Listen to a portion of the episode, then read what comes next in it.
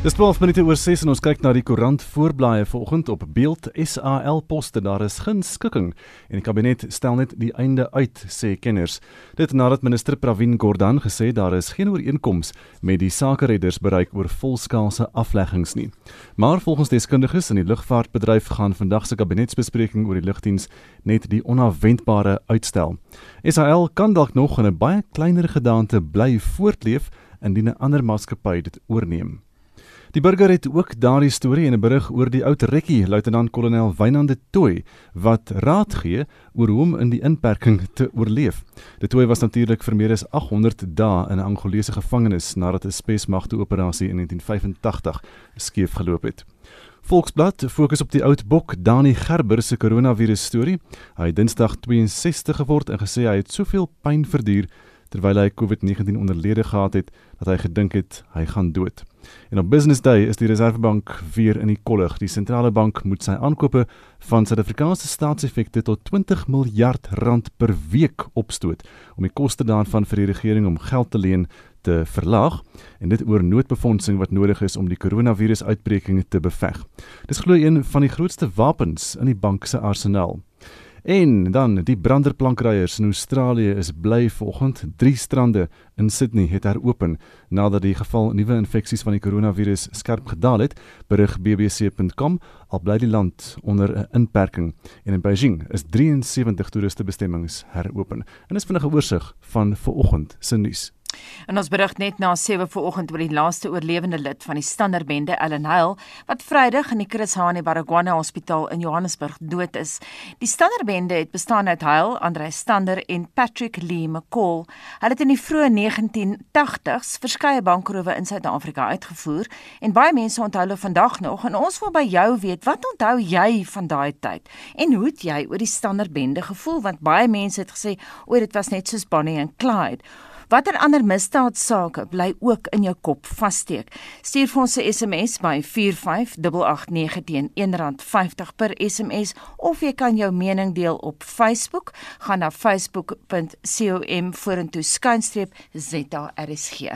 Nou die premier van KwaZulu-Natal, Sihle Zikalala, het aangekondig dat die provinsie van vandag af die inperkingsmaatreëls weens die koronaviruspandemie baie strenger gaan afdwing. Zikalala het op 'n nuuskonferensie gesê dit gaan nie goed in die provinsie nie. KwaZulu-Natal het reeds 21 sterftes weens COVID-19. Justin Kennerly berig. Zikalala sê die provinsie het 604 gevalle van die koronavirus na die Wes-Kaap en Gauteng.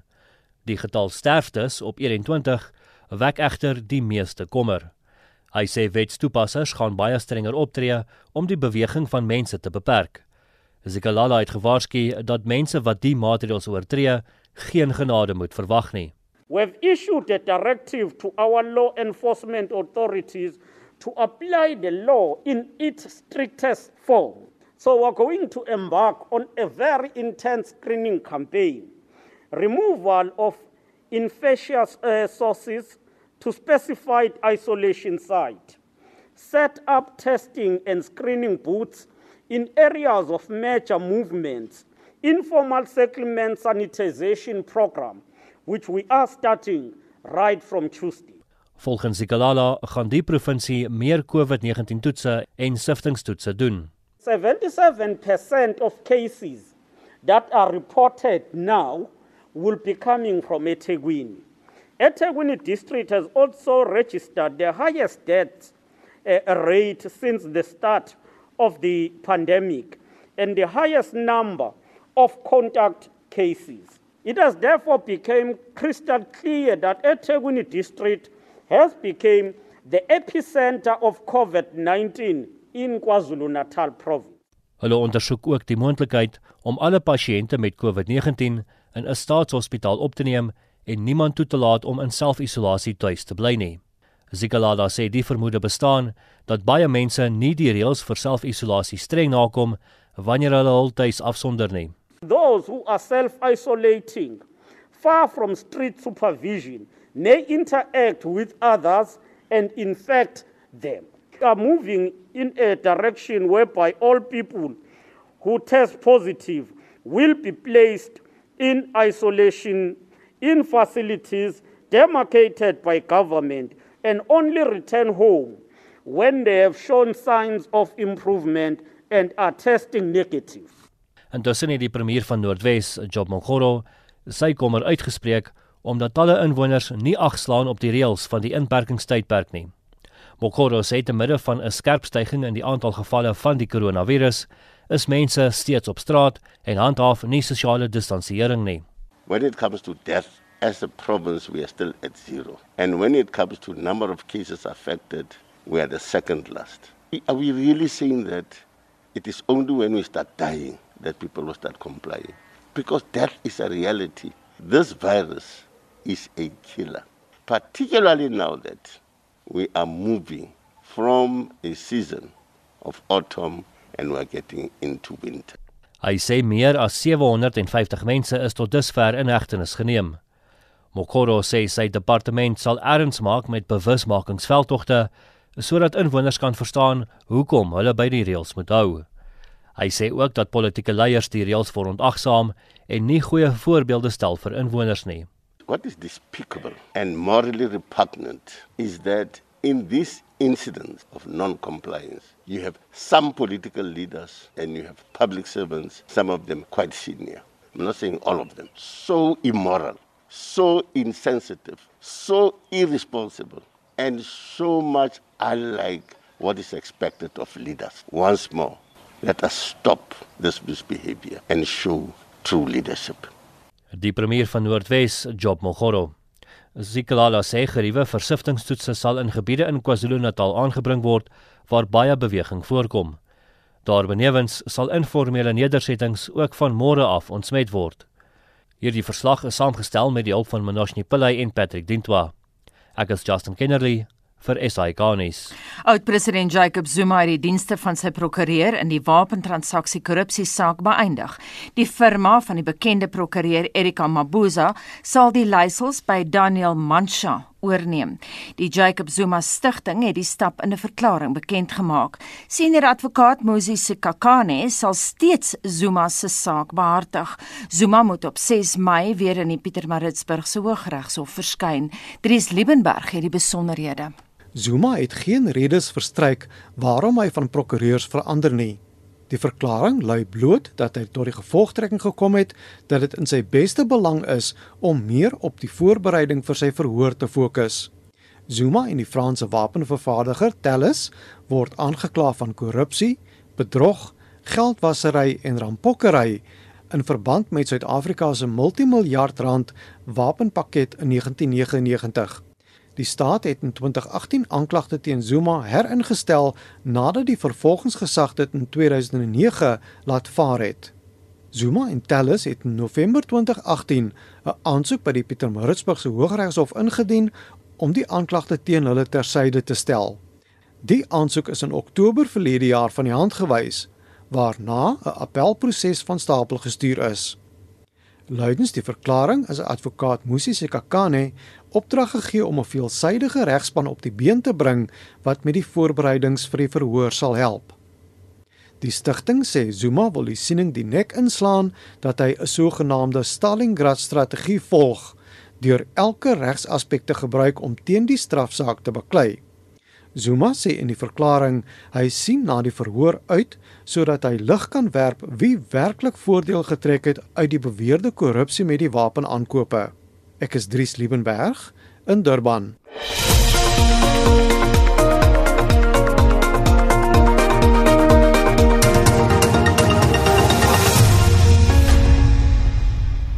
Swak op Moonse olifant wat die naweek deur die Namibiese Ministerie van Omgewing en Toerisme na 'n nuwe tuiste geneem is, het veilig daaraan gekom. Frikkie Wallis berig. Die enigste oorblywende toerist op Swakopmund weens COVID-19 het die gewolde dorpse inwoners weer die naweek in Rep en Roer gehad toe die land se ministerie van omgewing en toerisme hom na 'n nuwe tuiste verskuif het. Dit het sowat 'n half miljoen rand gekos om die jong olifantbul wat verdoof was met 'n huiskraan op te lig in 'n toevragmotor te laat sak en na die Nankose spesiale bewaringsgebied in die Komma streek, sowat 400 km van sy tuiste in die Namib af te verskuif. Voor die reddingsoperasie het die ministerie se Romeo die agtergrond verduidelik. The ministry is busy with the translocating process of the Swakopmund elephant, which is now in the Swakopmund River, to the Commerce region, where it is going to be translocated to a private farm.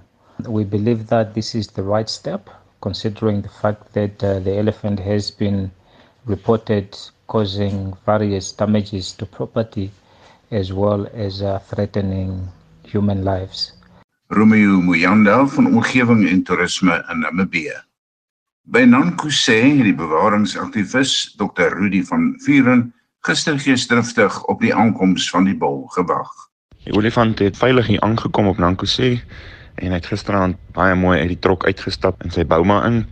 Hy sal 48 ure in die bouma spandeer en hopelik kan hy dan uitgaan op die reservaat. So ons kyk daarna om teen Dinsdag te laat uitgaan en vry te laat terug in die natuur. Dr Rudy van Vuren van Nankuse in die Komastreek van Namibië. Ek is vir Kiwalis op Sorgmoed in die Namib.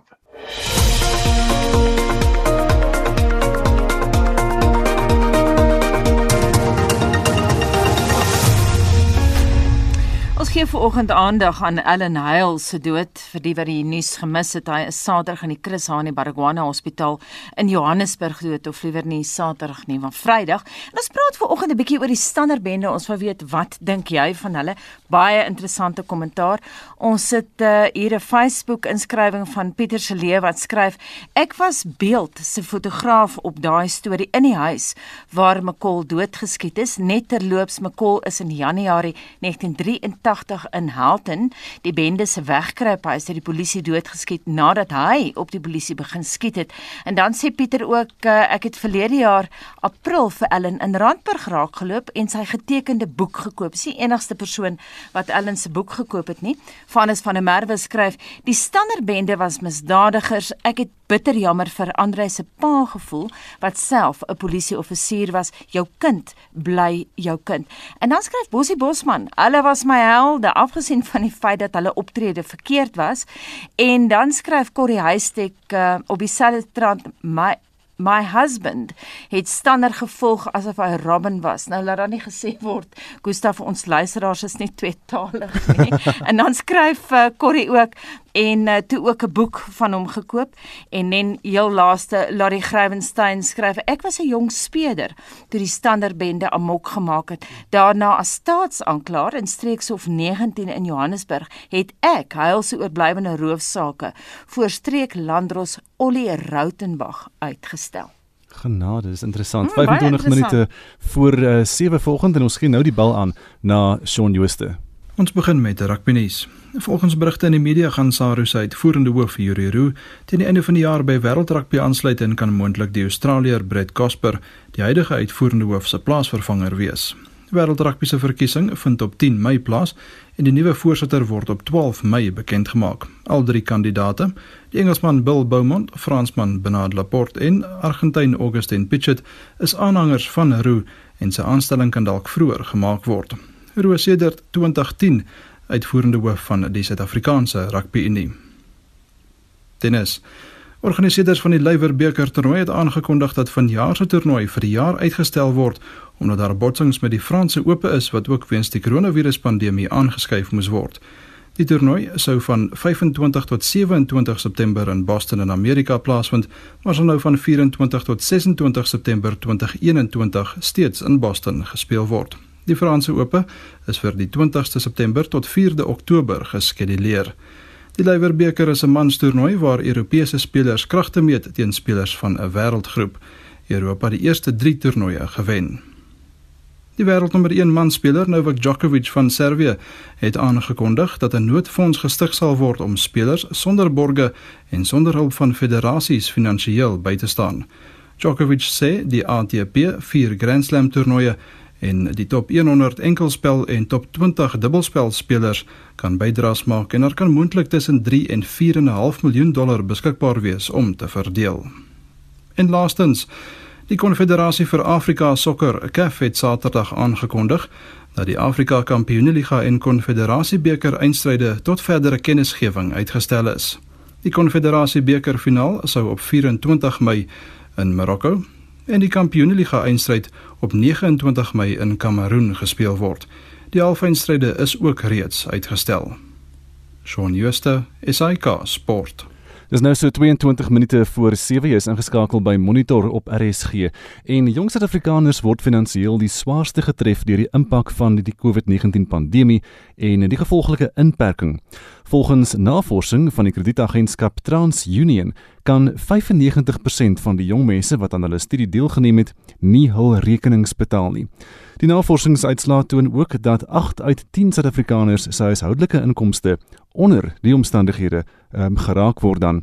Vir meer hieroor praat ons nou met die hoof van finansiële dienste by TransUnion Africa, Andries Zietsman. Andries, goeiemôre. Goeiemôre Gustav. Vertel ons van TransUnion se verbruikersopname.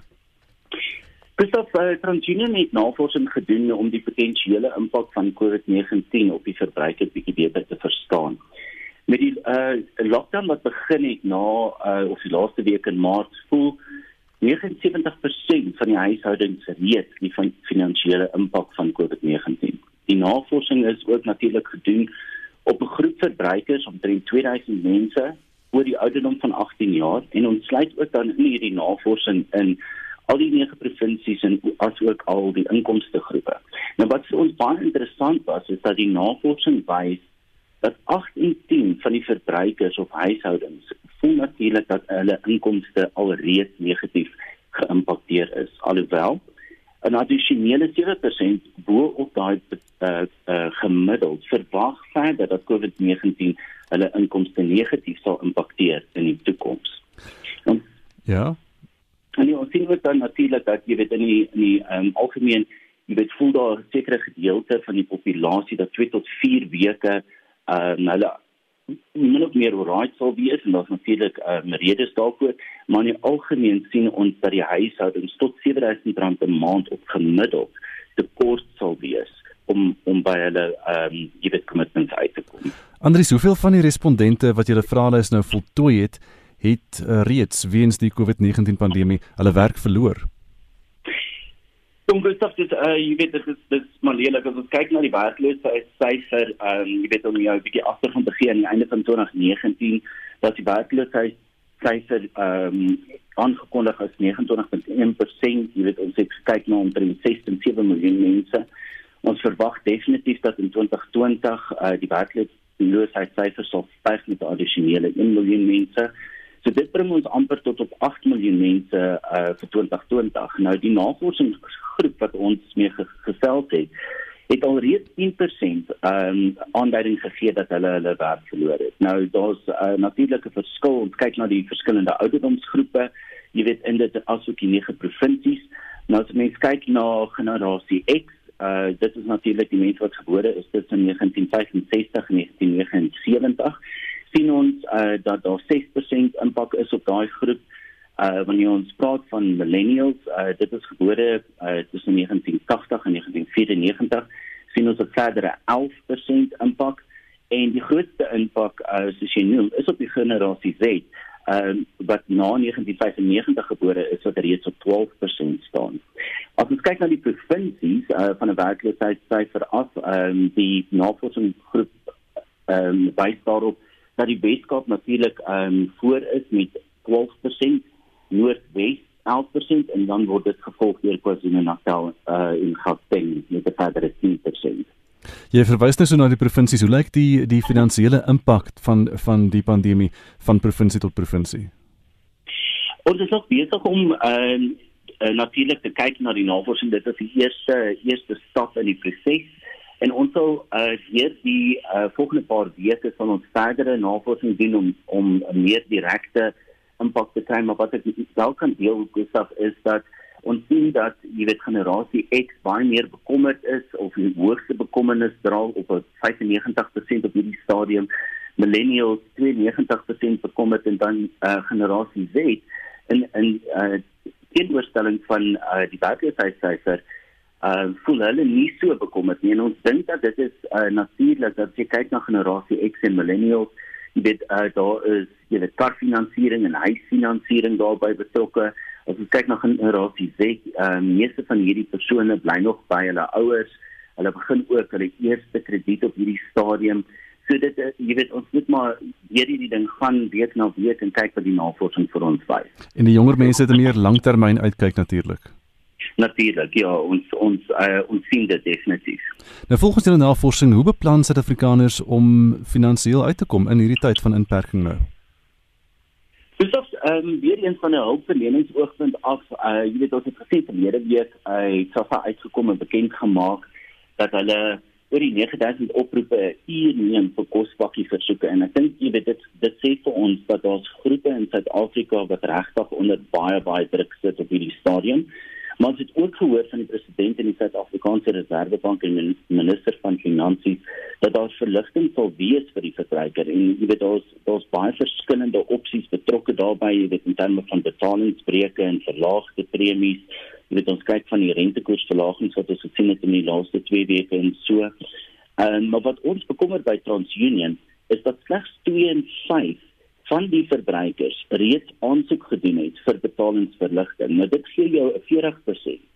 Maar daar's redes daarvoor. Ehm um, dit as ons kyk na wat wat hierdie navorsingsgroep met ons gedeel het, wys dit dat 29% van hierdie groep het aangedui dat hulle spaargeld het wat hulle sal gebruik of benut gedurende hierdie tyd. 22% van hierdie groep het uh, vir ons aangedui dat hulle sal geld leen by familie en vriende om hulle te help deur hierdie tyd. Maar wat wel kommerwekkend is vir ons is dat 27% weet nie wat hulle gaan doen nie en 'n verdere 33% dui daarop dat hulle sal maar betaal wat hulle kan betaal gedurende hierdie tyd. So ons verskik mense baie sterk om uit te reik na hulle kredietverskaffers toe om reëlings te tref waar dit moontlik is. Nou Andries, jy is by TransUnion. Hoe watter ander maniere is daar wat banke en kredietagentskappe die verbruikers in hierdie moeilike tyd nog kan bystaan? Dis dat daar is dit ek uh, genoem het daar's regtig uh, daar's verskillende goed en jy weet ek dink ook dit hang af wat se krediet uh, aan jou verstrek is. Jy weet as jy kyk na ehm um, jy weet so skarfinansiering en huisfinansiering, jy weet kan daar 'n recapitalisation gedoen word op op dit uh, daar kan rentekoersverlagings gegee word. Jy weet gedurende hierdie tyd as ons kyk na kredietkaarte, ehm um, jy weet daar's gewoonlik 'n 'n minimum betaling betrokke op 'n maandelikse basis en ons sien dat van die banke het al reeds in die industrie, jy weet daai minimum betaling ehm um, baie verlaag as in 50%. So jy weet ek dink op hierdie stadium hang dit af wat se krediet eh uh, die die uh, verbruiker het en waar die verligting nodig is en natuurlik ook ehm um, jy weet uh, wat se planne die verskillende banke of retailers um, en plek het om hulle verbruikers te kan help. En daarvoor sal ek voorstel, jy weet daar's nie 'n uh, uh, enkele antwoord daarop nie. Jy weet die verbruikers sal definitief uh, jy weet met hulle kredietverskaffer moet en aan aanmerking tree en dan dit gesels oor wat se opsies betrokke is. Anders die skuld word natuurlik nie afgeskryf nie. Die skuld is nog steeds daar. So indien jy een van daai mense is wat dalk 'n noodsaaklike werker is of wat dit kan bekostig, moet jy eerder net aanhou betaal, né? Nee? Ja, natuurlik. Jy weet, ehm um, jy weet Gustav wat uh, wat mense sien in terme van eh uh, kredietlenings is jy weet daar's gewoonlik 'n termyn betrokke ehm um, en jy weet wat sal gebeur is dat jy weet meeste van hierdie lenings sal eh uh, aangeskryf word waar jy weet daai herhaling van daai krediet natuurlik ehm um, 'n bietjie hoër premie sal uh, uh verlang in in dieselfde termyn. Daar is ook natuurlik opsies waar die banke die termyne kan verleng. Ehm um, jy weet maar weer eens eh, jy weet as jy kyk na die verskillende opsies wat betrokke is, dit hang af uh jy weet van jou persoonlike uh uh kredietrekord, jy weet en natuurlik wat die produkte jy by die banke het. Maar daar is daar's 'n redelike paar opsies betrokke ehm um, wat die verbruiker kan ehm um, oorself met met hulle kredietverskaffers. Andries baie dankie vir die praat vanoggend. Dit was dan Andries Zietsman, die hoof van finansiële dienste by TransUnion Africa. COVID-19 teiken elke mens ongeag van ras, geslag en geloof. Dit noop die burgerregte organisasie Solidariteit om hom tot die hof te wend om die regering oor sy noodfonds aan te vat. Solidariteit sê die nasionale departement van toerisme erken in hofstukke ras is die kriteria wat sal bepaal of sakeondernemings hulp sal kry of nie. Essie de Klerk het aan Solidariteit se hoofuitvoerende beampte Dirk Herman gevra hoekom hulle hulle tot die hof wend. Die solidariteit saak om 'n lang pad. Dit het begin by die Menseregte Kommissie waar ons gevra het dat daar 'n ondersoek gedoen moet word omdat daar op grond van ras teen mense gediskrimineer word wanneer daar hulp toegeken word, veral ook oor die feit dat dit belastingbetalers geld is. Ons het ook gevra vir openbaarmaking van inligting waar daar's baie onsekerheid gewees. Mense het selfs gepraat van fopnuus.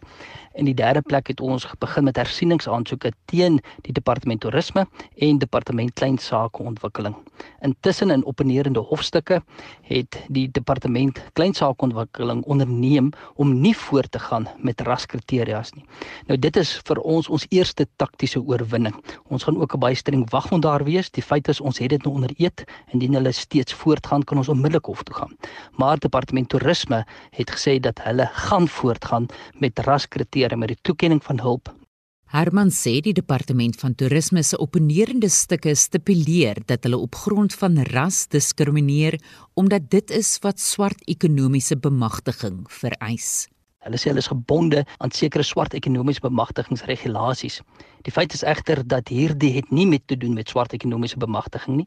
COVID-19 se um, skade is nie as gevolg van enige van, vorm van historiese wanbalans nie. Dit is as gevolg van 'n regering regulasie of regulasies. En dit tref almal. Jy kan nie sê hier is regulasies wat almal tref en dan help ons net seker is nie. Die hof het reeds aan solidariteit die versekering gegee dat dit as 'n dringende saak op 28 April aangehoor sal word. Hierdie saak is dringend. Die feit is dat daar moet toekennings gemaak word en ons kan nie toelaat dat dit op grond van ras gedoen word nie. Dit sal eenvoudig immoreel wees. En daarom het die hof ons ook toegegee dat dit dringend is en die 28ste April is 'n datum gegee om dit aan te hoor. Dit is egter jammer dat daar in die inperkingstyd met so iets hof toe gegaan moet word. Die feit is dit is verkeerd en dit moet teruggetrek word. Soos klein sake ontwikkeling dit teruggetrek het, moet toerisme dit ook doen. Dit was die hoofuitvoerende beampte van Solidariteit, Dirk Herman. Ek is Estie de Klerk vir SAK nuus. Minstens 18 Nigeriërs is gedood deur hulle land se sekuriteitsmagte onder die dekmantel van die bestuur en beheer van die corona corona pandemie. Die vergrype is selfs deur Nigerië se nasionale menseregte kommissie aan die openbare grootklok gehang. Vir meer hieroor praat ons nou met die Afrika spesialis professor Willie Breitenberg van die Universiteit Stellenbosch. Môre Willie. Hallo Anita. Is dit insiggewend dat dit Nigerië se National Human Rights Commission is wat die syfers nou aan die groot klok hang? Dit is nie soos gewoonlik die geval Human Rights Watch of Amnesty International wat kritiek lewer nie. Ja, die eerste punt om te maak is uh, hierdie is nie 'n amnesty probleem nie. So dit is hoekom hulle niks te sê het nie. As dit kom by die meer internasionale Human Rights Watch, dis maar baie dieselfde as die nasionale ene en die nasionale ene was hier nie aan die slaap nie. Hulle het ook kommentaar gelewer want uh, soos wat jy gesê het in jou inleiding dis reeds 18 Nigeriërs wat dood is. Dit is nou nogal baie uh, as gevolg van 'n uh, polisie of weermag optrede om die inperking wat ook daar geld af te dwing en dit is 'n uh, hardhandige gedoen geweest. Wil jy baie van hierdie vergrype, nie al die vergrype nie, maar baie, vind in die noordwestelike provinsie van Kaduna plaas. Verbaas dit jou? Dit verbaas my nie dat daar tog probleme is met hoe die polisie en hoe die weermag hier optree nie, want die polisie en die weermag in die geval van Nigerië het ondervinding van amper soortgelyke situasies. Ek dink aan die Boko Haram probleem in die noordooste van die gebied en die separatiste in die Niger Delta gebied waar daar soms hardhandig opgetree moet word want dit is die separatiste en die Boko Haram insurgente is nogal gewelddadig en dan moet jy gewelddadig antwoord. Maar die probleem waarna ons hier verwys in die geval van Nigerië is Kaduna. En Kaduna is eintlik heel neutraal dis ver weg van die noordoostelike Boko Haram gebiede en van die separatistiese gebiede. Dit lyk net vir my uh, dat hulle hulle uh, uh, instruksies verkeerd verstaan het hoe 'n mens skarebeheer doen. Die weermag is in elk geval nie opgelei om skarebeheer te doen nie. En die polisie in daardie gebied van die Kaduna provinsie het waarskynlik min ondervinding hiervan gehad en dit is hoekom uh 18 mense in die proses dood. Alhoewel die fokus van die geweld in Nigerië se noorde lê, is vergrype in 24 van Nigerië se 36 deelstate aangeteken. Dit is nou aldus die nuusagentskap Reuters.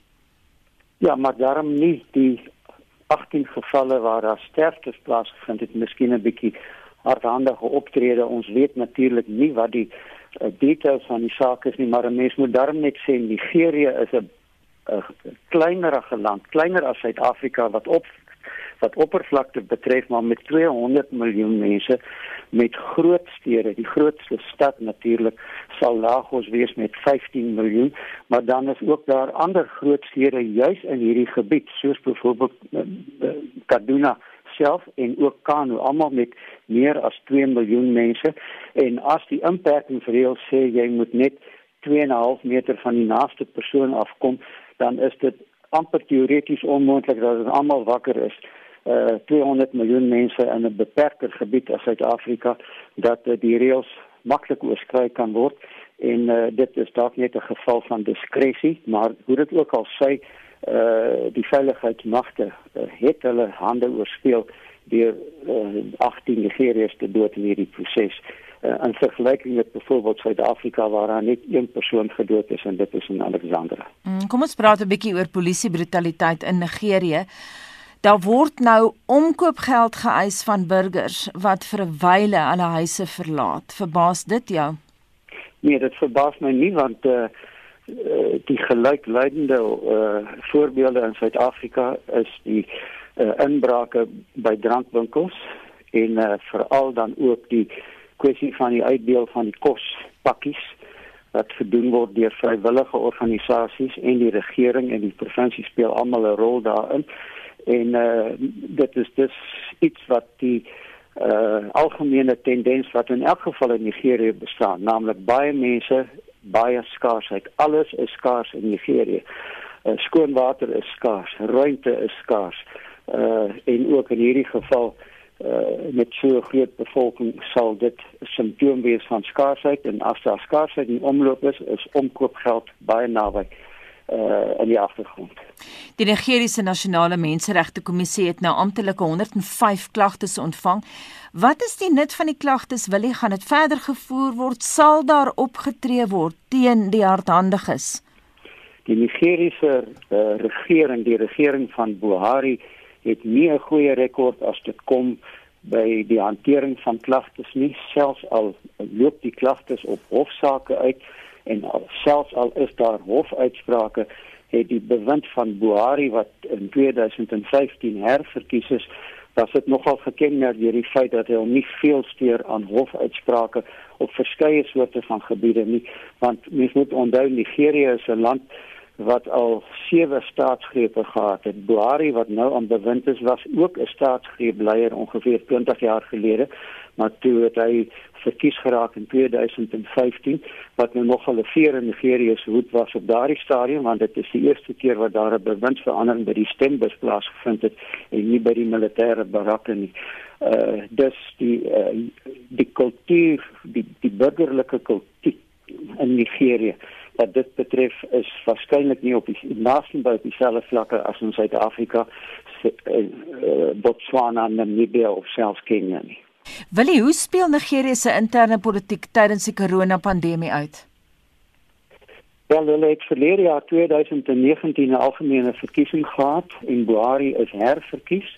Hulle moet eers oor 5 jaar weer na die stembus toe gaan 2024 of die koronakrisis dan nog sal veld sal net die tyd leer maar dit is 4 jaar as 'n mens kyk na wat elders in die wêreld gebeur het behoort die koronakrisis teen wanneer daar weer verkiesing gehou word in 2024 alreeds uit die weg geruim te wees en sou dinge dan baie nader aan normaal wees. So uh, ons ons sal maar moet kyk wat gebeur. Die feit is net Buhari homself is 'n ingebore militaris. Hy het soos ek gesê het alreeds deur 'n staatsgreep regeer en hy het nie vreeslik simpatie met die howe nie trouens. Hy ignoreer hofuitsprake baie maklik as dit hom pas. Net laasens wil die verskillende Nigeriese owerheid se hardhandige optrede tydens die COVID-19 pandemie van ander Afrika state se benadering.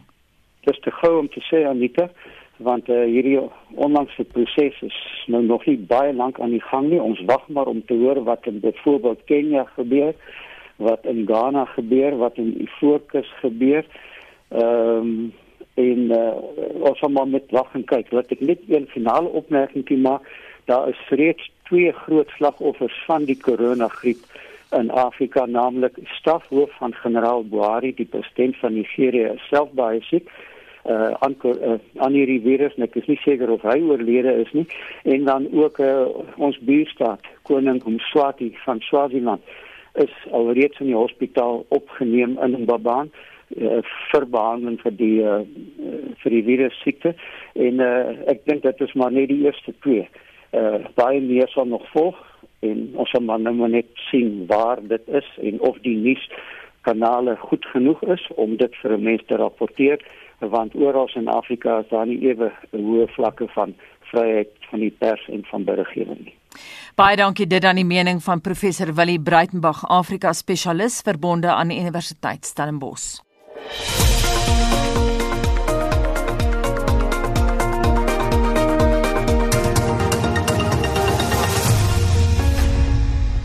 Ons praat ver oggend oor die standerbende vir luisteraars wat daai nuus gemis het.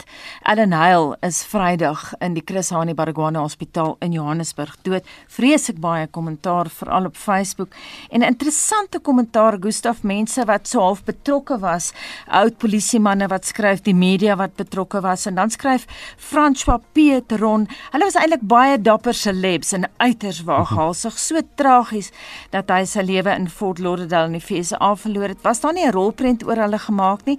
Daar was inderdaad en so skryf François en dan Elsa Joubert wat sê ek was gefassineer maar geskok daaroor. Ek en my man het nog die huis gaan bekyk daar in Norwood se omgewing waar hulle op 'n stadium weggekruip het. Ons het uh, daar naby in polisiewoonstelle gebly en dan skryf Daniel Grobler kort maar baie kragtig Andrei Stander was my held geweest. Hy skryf my hero, 'n slim man geweest. En Ansie Boeker skryf my man en ek was destyds 5 minute voor die wapenhandelaar beroof is in Randburg in die winkel. Jo. My man wou ammunisie koop, maar het nie sy polisie idee daarby om gehad nie. Ons het gery met 'n kanaal en op daardie stadium nie ver weg gebly nie. My man is toe uitgeroep na die toneel toe want hy was op die taakspan wat op die saak gewerk het. Nou Ansie, dis nie die enigste polisieman wat inskryf hier oor vanoggend nie. Baie interessant en Ansie skryf verder. Dit was senitergend want die standerbende het meeste van die polisie manne of geken of geweet hoe hulle lyk. En as ons 5 minute langer getal het, was ons in die spervuur. En dit bring ons by 7 uur.